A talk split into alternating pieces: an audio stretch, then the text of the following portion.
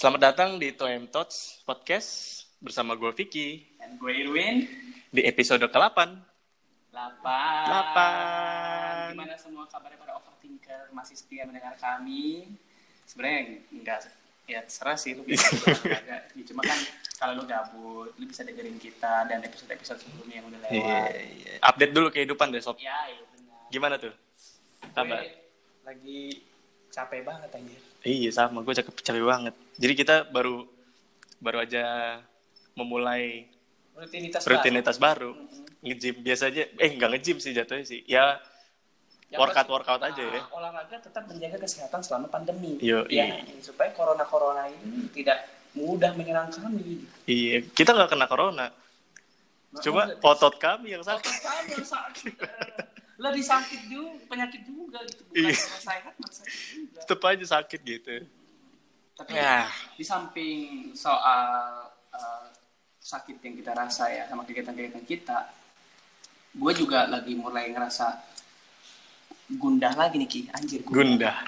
Karena gue melihat bahwa orang-orang di internet nih khususnya ya masih nih Selalu ya. orang di internet selama pandemi ini tingkah lakunya nih unik-unik makin hari makin hari pak karena ya kayak gue bingung gitu banyak orang yang bisa tiba-tiba hari ini dia ngefans banget sama satu orang memuja memuja orang itu sampai pada akhirnya ketika si orang ini uh, bikin satu kesalahan langsung dihujat semua fansnya Iya. tuh memutar langsung beralih menjadi haters gitu Hmm.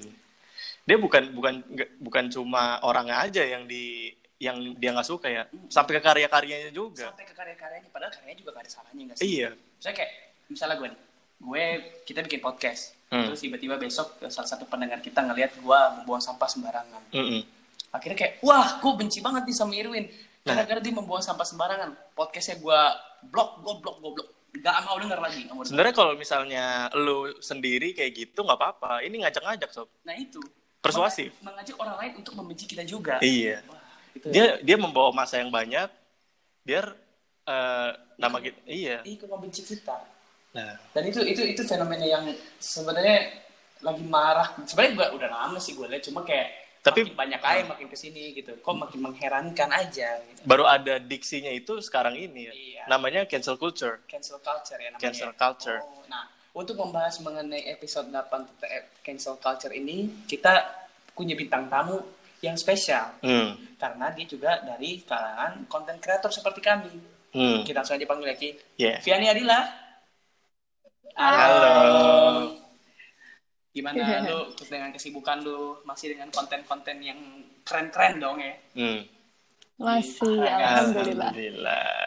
Bagi yang apa bagi overthinker overthinker yang belum tahu, Viani Adila ini adalah seorang perempuan yang multi talent. Multi talent. Multi talent. Waduh. multi talent, multi talenta. Iya. Talentanya lebih dari satu. Iya. Nah, Waktu pertama kita ketemu, dia ini lagi serius sama musik. musik Suaranya bagus banget, Sob. Hmm. parah. Dia bisa main piano.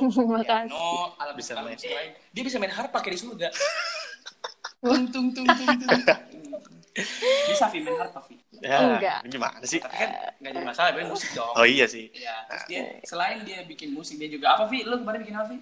Eh, bikin yang Ya, kemarin, maksudnya yang udah pernah lu buat sampai sejauh ini oh eh, scrapbook Oh. gitu-gitu, DIY. bahkan dia bisa punya bisa bikin kerajinan tangan gitu loh. Iya, itu yang bikin seorang Viani Adila meledak dulu ya. Iya. Menginspirasi Oh, kaum meledak. UMKM. Iya, usaha menengah, usaha mikir kecil menengah. Iya, iya. Keren sekali gitu. Dan sekarang lo lagi fokusnya di apa, Vi? Di Nah, video. video. ya.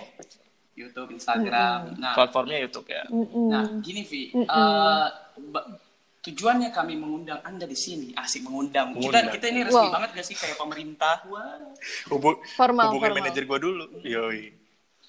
Ya, jadi gini Vi, gue sama Vicky ini mewakili perasaan para overthinker yang sudah menitipkan cerita dan pertanyaannya lewat DM DM kami yang akan kita diskusikan sekarang. Hmm.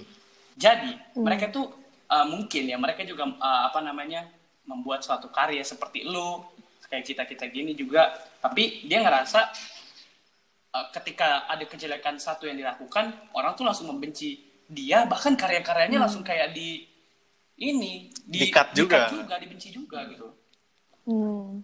Hmm. Nah, kalau oh, sebelum kita bahas apa sebelum kita bahas lebih lanjut, jadi istilah is, apa kejadian-kejadian ini tuh istilahnya namanya cancel culture ya Ki. Mm, Nah, Cancel ya sebelum culture. lebih jauh sih, gue pengen jelasin dulu kalau misalnya cancel culture itu adalah sebuah upaya untuk menjatuhkan seseorang. Seseorang ini biasanya adalah public figure atau enggak selebriti, Orang-orang terkenal. ya. orang-orang yang eh, mempunyai masa yang banyak atau fans gitu ya. Hmm. Nah, dan eh, karena dia melakukan su- eh, suatu kesalahan atau blunder gitu, Mm. eh, jadi fansnya ini berbalik menjadi membenci dia dan eh, menjatuhkan dia istilahnya gitu. Pant- istilahnya mungkin kenapa dikasihnya cancel karena kayak kita nge-cancel ngefans sama orang Nah, cancel ngefans sama mungkin karya-karyanya juga gitu ya. Ya, kalau dari lu sendiri, Vi, menyikapi pertanyaan dan keluhan dari para overthinker kami ini, menurut lu gimana, Vi?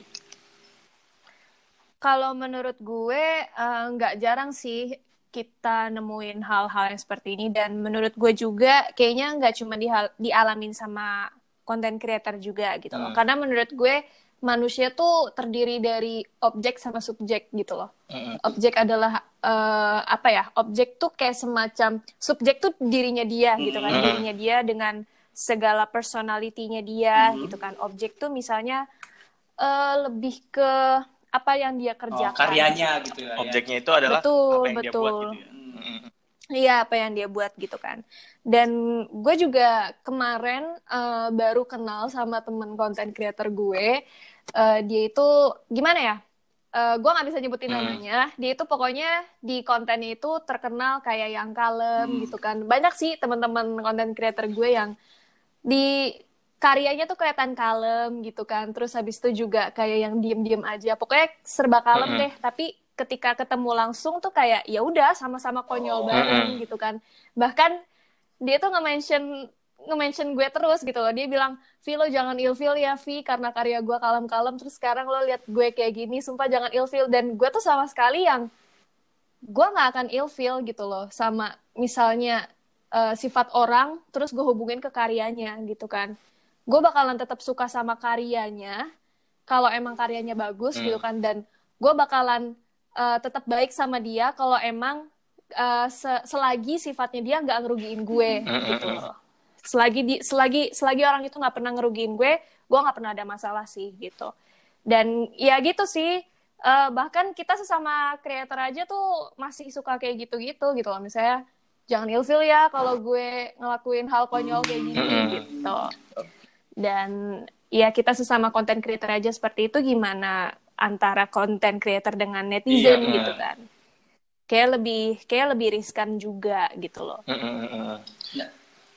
Berarti eh, seorang konten kreator itu dia punya persona yang berbeda gitu ya dari yang apa yang dia tunjukkan sama yang di belakang itu sebenarnya. Intinya gitu ya. Eh, intinya sih kalau yang sedapatnya gue, eh, karena karya itu adalah bagian dari sebuah pekerjaan kita, kita menganggapnya itu adalah sebuah profesionalitas kerja sih, gitu. Jadi profesional kerja sama personality kita itu kita bedain gitu. Oh oke oke. Jadi bukan berarti jadi bukan berarti misalnya ada YouTuber A Hmm. nih sifatnya kalem banget eh tapi begitu lihat aslinya, tahu aslinya misalnya ada netizen nih lewat eh ketemu nih di sensi gitu kan terus dia tiba-tiba lagi ketawa cekakak cikikik gitu kan Mm-mm. padahal di videonya dia tuh benar-benar kalem banget Oh, Itu iya, ya. iya, iya. Personality dia sama profesional kerja dia dengan karya-karyanya dia itu dia bedain gitu. Hmm, ketika dia ketika dia ketemu sama temennya dia akan berperilaku sebagai teman. Ketika dia ketemu dengan eh, fans-fansnya pengikutnya followersnya dia akan berperilaku sebagai eh, orang Iya, yang figur yang udah dia buat ya. diidolakan sama betul profesional betul. seperti itu. Betul jadi bukan jaga image atau jaga citra atau segala macam sih. Tapi bagi gue adalah eh, profesional Baik. kerja seperti oh itu seperti itu ya. Berarti eh, yang Mm-mm. gua pikir selama ini adalah salah sebenarnya. Yang gua pikir adalah ya kalau misalnya selebriti atau ya konten kreator mereka itu gue lihat menjaga citranya aja gitu padahal itu Mm-mm. bukan menjaga citra tapi emang profesionalitasnya aja ya betul Tergantung, Pak. betul Mm. Se- tergantung ada juga ada juga sih yang ya be yourself Mm-mm. gitu kan. Misalnya yang Lex atau Arab Iya. gitu kan yang ya udah gitu loh. Kayak- gua ya gua gitu loh. Gua di asli sama gua di sosmed ya udah kayak gini gitu kan. Hmm.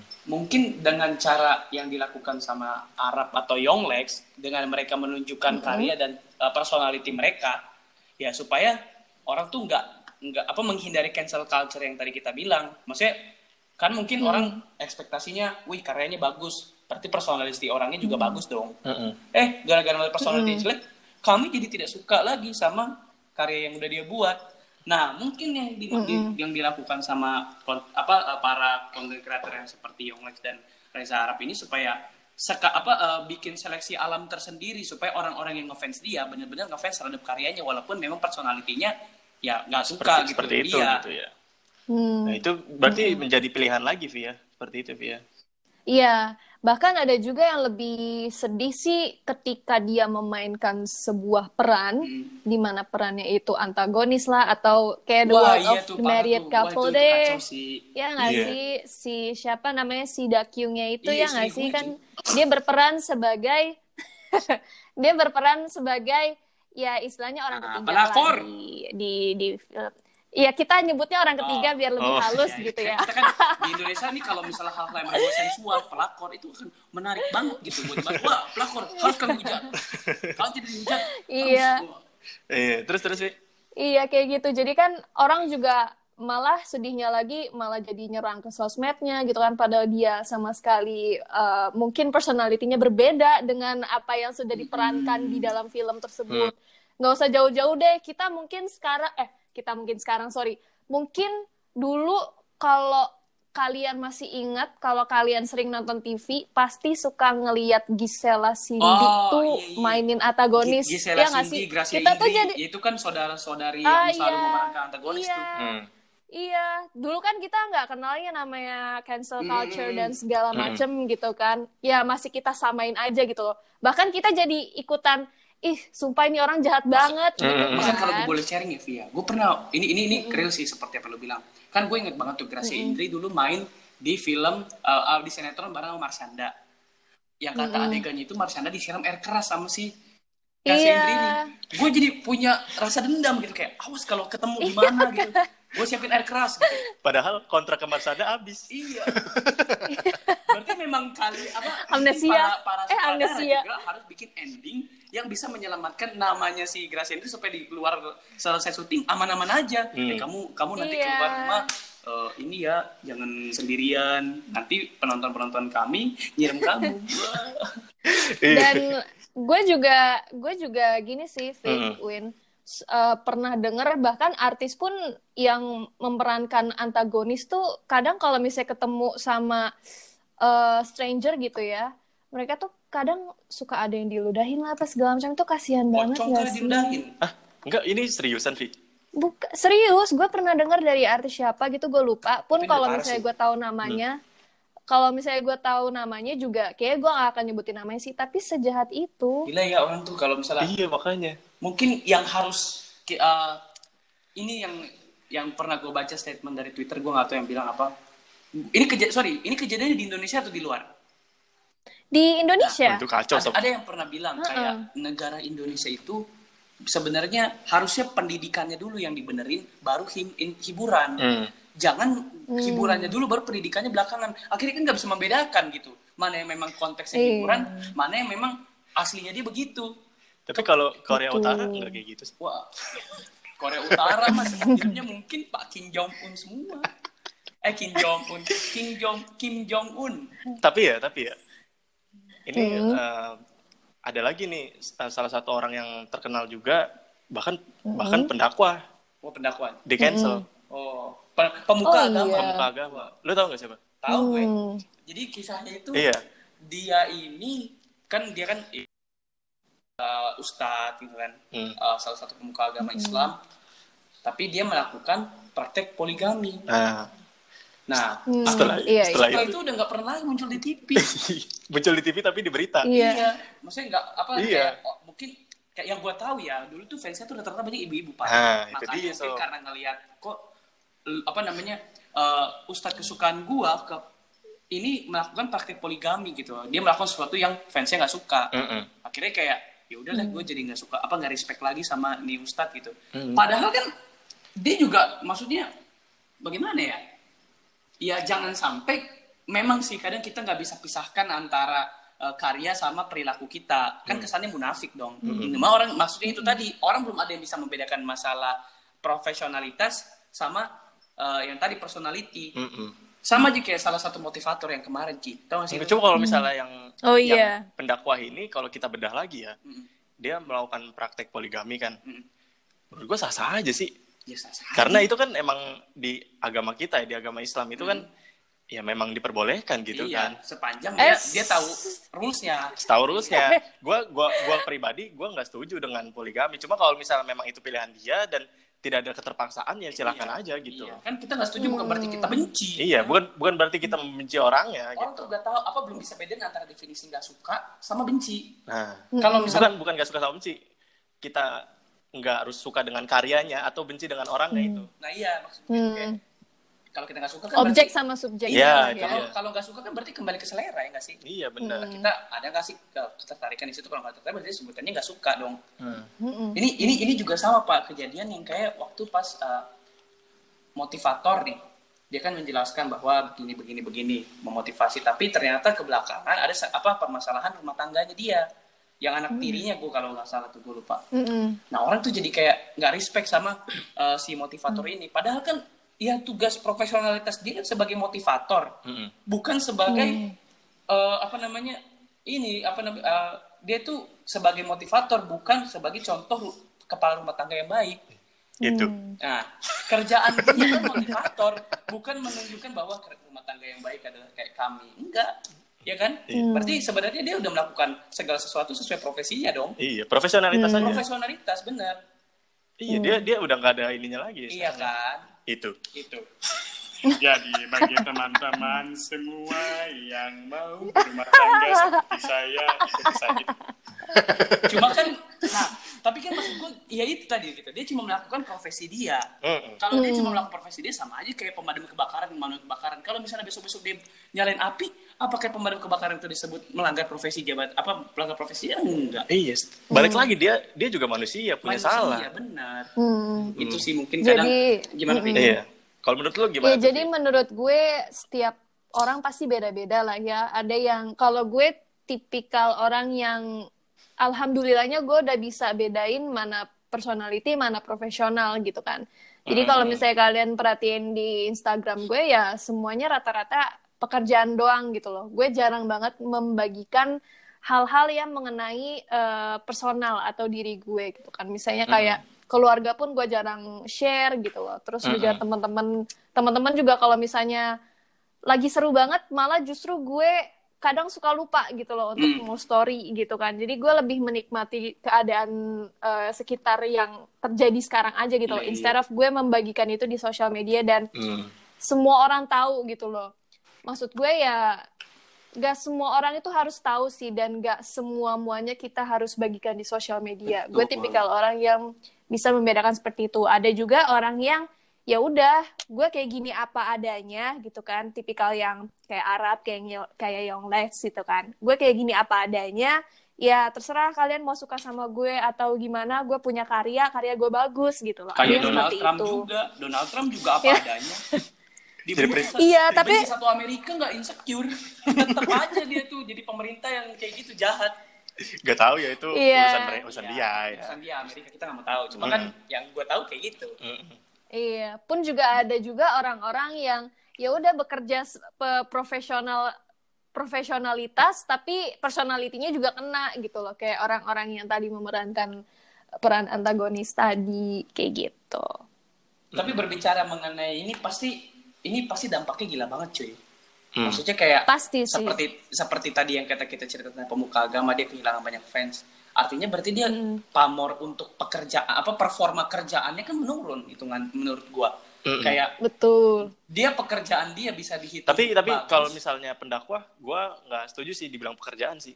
Karena kan dakwah itu Iya. kan nggak harus dibayar sob. oh ya, ya maksud Betul. gua let's say kayak gini ya Ya kita nggak kita nggak ngomongin ya profesi dakwahnya, Ah. cuma uh, public figure-nya ini. Pekerjaannya. Ya, kita, kita melihatnya lebih ke maksudnya gini dia itu uh, oke lah kita tidak usah uh, ini contohnya seperti siapa ya mungkin yang baru-baru ini em, komika yang dia Hmm. apa suka ngelakuin stand up uh, lewat Instagram, YouTube dan uh, Twitter juga videonya dia nih banyak banget yang suka nih Bintang Emon ya. bintang Emon. Hmm. Nah, tapi ada beberapa oknum yang berusaha menjatuhkan nama dia. Kalau misalnya memang benar orang terpengaruh sama isu narkoba yang katanya dia narkoba, itu kan pasti berpengaruh banget sama pekerjaan dia, Hmm. image dia di masyarakat. Padahal kan Hmm. belum tentu apa maksudnya kayak kemar untungnya aja dia udah tes kalau dia nggak narkoba gitu. Kalau misalnya orang udah ter- apa uh, keburu percaya gitu kalau dia ternyata narkoba dan pada akhirnya lu nge-cancel dia, akhirnya ya dia kehilangan pekerjaan. Iya, pasti dia juga kena mental isu juga gara-gara anjir gue salah apa padahal ini ini kan isu gitu. Gue gue profesional di kerjaan gue ngelawak, tapi kalian malah menyerang gue secara pribadi Hmm. Hmm. yang pada akhirnya menghancurkan pekerjaan gue juga. Iya, Itu nggak sih Vi kalau di dunia content creator? Iya, Iya ya, iya banget. tuh. tapi eh ya balik lagi sih, setiap orang pasti berbeda-beda. Cuman kalau gue pribadi, kayaknya kalau udah menyerang personality, kayaknya iya sih. Makanya gue salut banget sama si- siapa pun itu, mau artis, mau public figure, public figure yang mungkin image-nya sempat eh, negatif atau namanya sempat down, terus habis itu dia eh, move on, moving forward. Kayak contohnya, contohnya Jeffrey Nicole gitu kan kemarin Hmm. ada kasus narkoba terus sekarang dia udah bisa main film lagi dia udah bisa bekerja seperti semula lagi itu bagi gue itu sesuatu hal yang perlu diapresiasikan sih. Karena pertama dia em, bisa membersih gimana ya nggak membersihkan nama juga sih. Istilahnya dia udah bisa kerja seperti normal gitu kan. Bisa main film lagi tuh kan udah bekerja seperti normal lagi tuh itu hal yang patut diapresiasi sih. Istilahnya dia melawan eh, beribu penilaian dari masyarakat gitu kan. Itu itu Ya mungkin banyak orang yang banyak orang yang menilai eh, wah gila ya udah narkoba tapi masih aja bisa main film. Who knows gitu kan pasti gila ada yang ya, seperti itu. Tatoan tapi tak Mm-mm. pakai narkoba. Yolek. Iya. Gue dong. Iya, juga tato konsepnya. Yolek itu, itu kata-kata Yolek juga Pak. Dan Viani Gue juga gak usah sama jauh-jauh termasuk. ke Yonglek. Viani ini Yolek tahu sebenarnya. Sebenarnya itu Apa ada pengurus like sugar. Sama, gue juga. Oh iya ngomong-ngomong soal tato, gue juga kayak gitu, geng. eh itu sebenarnya ini enggak sih? Permanen gak sih? Enggak. Kok nggak hilang-hilang? Ini tuh udah memudar, ini tuh udah memudar. Dia- Emang harusnya April ini Dia, dia memudar. namanya Tanco di apa, apa kota di kota Pak. Di Tato Tanco ini kan depan patung apa namanya monumen Fatahila. Eh, yang di yang diusap-usap ya? Iya. Gue juga Tato penjara. ngerasain dari ngerasain gue make tato kayak gini itu banyak juga sih eh, stigma-stigma Hmm, ini nih. orang terhadap Berarti gue. berarti gitu. sebelumnya lu pernah merasakan juga ya? Eh maksudnya kayak pernah. kayak ih apa sih kok pakai tato gitu? Iya bener, kok tatoan kayak gitu kan. Mm-mm. Hei, kamu Itu kamu sih. itu fans apa polisi moral? Tapi tapi Karena tapi menurut eh, gue eh, uh. ketika orang memakai tato itu bukan berarti orang itu langsung kayak ih dia tatoan pasti dia narkoba lah pas Kriminal segala gitu macem ya. gitu kan. Hmm. Iya, pokoknya negatif gitu. Enggak, bagi gue tuh tato tuh art sih, seni gitu. Hmm. Gue juga eh, bikin ini karena gue suka gitu loh. Gue suka biar- sama biar- kata-katanya dan gue suka sama seni hmm, gitu. Berarti lu lebih ke menghargai seninya ya. Betul. Tapi lu sempet ini gak sih, Vi? Kayak kan ada nih yang bilang, ih kok tatoan sih? Lu klarifikasi gak sih di YouTube? Iya. Oh, Klarifikasi enggak sih. enggak sih. Enggak, Enggak, sih. Ya, gue gimana ya prinsip gue, gue nggak ingin menjelaskan siapa diri gue sih, biar orang yang menilai gue aja gitu. Kalau gue Oh, Iya, karena apa. memang uh, konten apa namanya?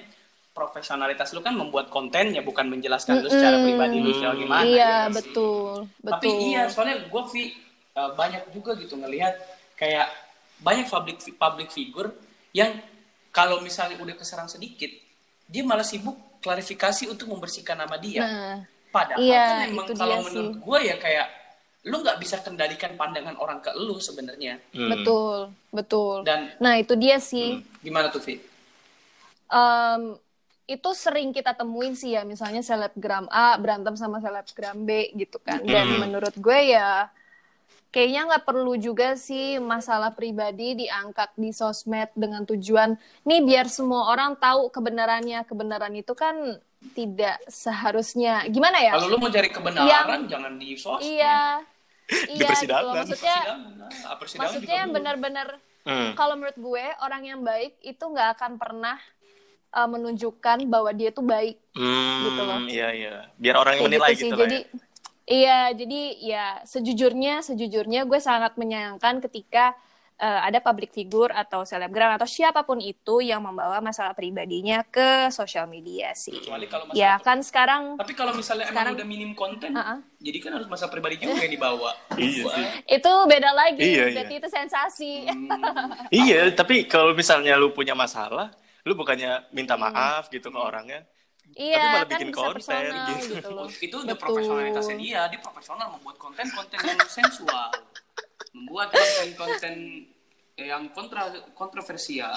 Untuk untuk lu nggak bilang kontrasepsi. Wow, Kontennya Aduh. kontrasepsi. membuat konten yang kon konspirasi. Konspirasi. Nah, seperti kan J, Pak JRX ini Iya. konspirasi.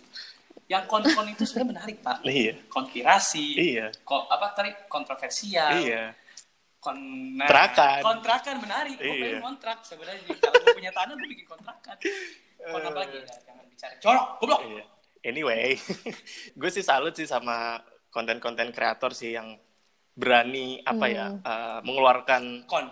bukan Oh, bukan. itu mah beda lagi ini mengeluarkan keluh kesahnya Tapi dia juga ada pak konten kreator yang mengeluarkan kon. udah jangan diterusin udah Kamu udah. ke website udah udah udah. Maksudnya kayak kayak salah satunya kemarin bintang Emon sih. Iya. dia dia kritis sih menurut gua. Cuma dia membawa kritisnya itu atau keluh keluhannya dia itu menjadi sebuah konten yang bagus Sesuai gitu. profesi dia. sesuai profesi dia berkomedi.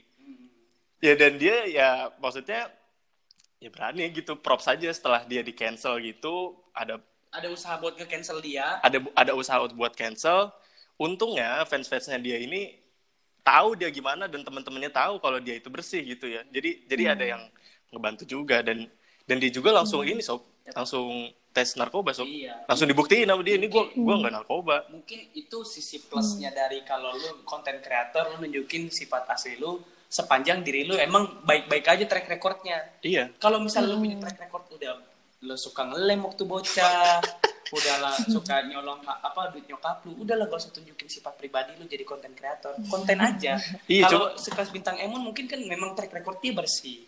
Jadi dia tunjukin pribadi dia orang juga oh iya emang pribadi dia gini. Jadi ketika ada isu narkoba dibela sama fansnya oh bintang Emon bersih. Iya cuma cuma yang diserang jangan jangan pribadinya lah gitu loh. Enggak, maksud gue gini, Le. Maksudnya, kalau kalau lu punya pribadi bersih nih, track record lu aman-aman aja, lu nggak apa-apa nge-show ke fans lu, gue bersih. Ketika ada isu yang jelek kayak gitu, fans lu ngebela, dan itu benar. Hmm. Tapi kalau misalnya lu punya pribadi jelek, lu, apa namanya, lu sembunyikan dan lu jaim di, di publik bilang, iya gue baik, terus tiba-tiba ada isu isu jelek datang dibela sama fans lu, ternyata lu beneran jelek, fans lu juga malu. Iya Udah sih. dibela-belain, eh ketahuan di kelasnya. Enggak, sabar fans, aku memang begitu adanya. aduh kalau menurut gue orang tuh memang harus bisa membedakan sih antara profesional sama Mm. pribadi. Personality, ya betul. Dan kalau kita mengkritisi pribadinya, belum tentu juga kita mengkritisi karya-karyanya. Mm-mm. Betul. Seperti yang terbaru-baru ini kan gue ngelihat ya eh, salah satu influencer sneakers dan juga dokter, Mm-mm. dia Mm-mm. a- agak blunder nih. Mm-mm.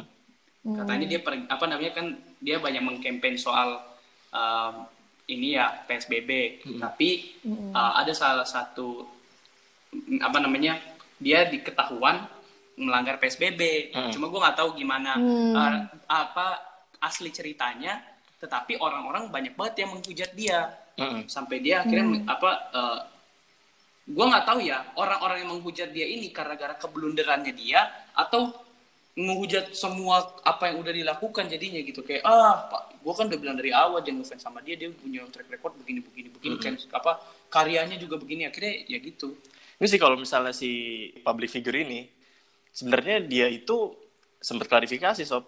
Udah udah udah salah klarifikasi. Dan dan dia punya bukti semua gitu. Kalau kalau lu semua tuh salah gitu. Ngerti gak sih? Apa namanya? Stigma stigma yang Iya. lo buat itu salah. Nih gue punya buktinya. Gue ngelakuin ini ngelakuin ini ngelakuin ini. Kalau misalnya Hmm. memang bener ya kalau misalnya dia bener kayak gitu menurut gue klarifikasi nggak apa apa sih.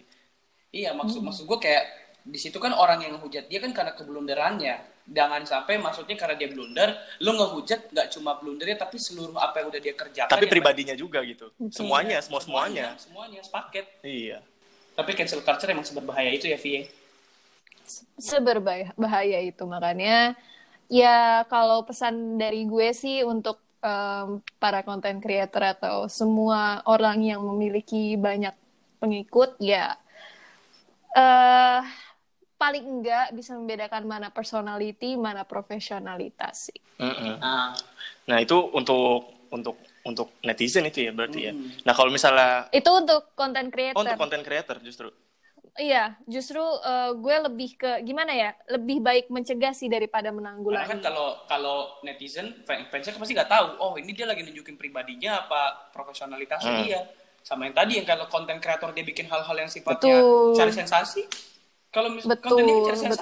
betul. oh iya sih iya berarti Gitu eh, dari sih. dari segi konten kreatornya juga harus berhati-hati juga berarti ya harus iya harus bisa membedakan lah mana yang personality mana yang professionality. Dan untuk yang uh, penikmat konten kreator juga harus bisa bisa membedakan mana pribadi, Iya. mana profesionalitasnya dia gitu. iya dan apa yang kita ketahui lewat sosial media itu bukan bukan yang sebenar-benarnya gitu Mm-mm.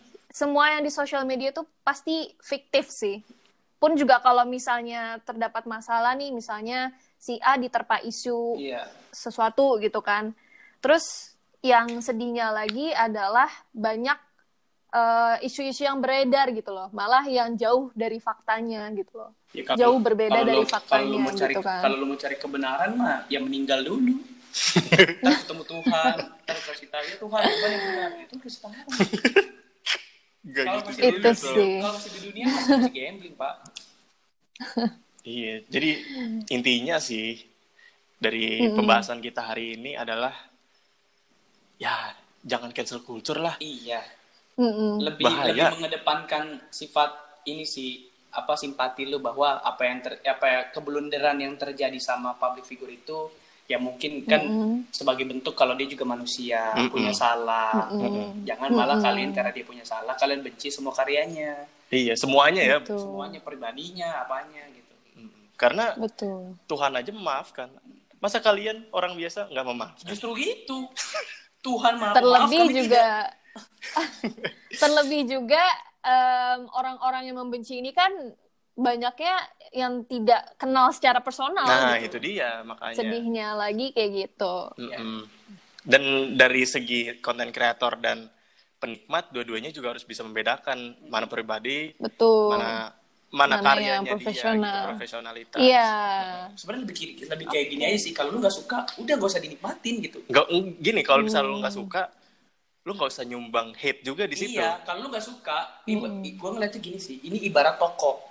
Ada beberapa banyak produk di situ. Kalau lu suka yang ini, lu udah ambil yang lu suka. Yang nggak suka, udah lewat Iya, aja. betul. Nggak usah lu acak-acak Betul. gitu kan. Lu cek aja tokonya, wah toko Betul. gak jelas. Eh, Kenapa dia jual produk yang gue nggak suka? Kan nggak gitu ya. Betul. Iya. Karena toko Betul. ini kan bukan buat lu doang. Mm-mm. Semua orang berhak untuk datang ke toko itu. Mm-mm-mm. Betul sekali.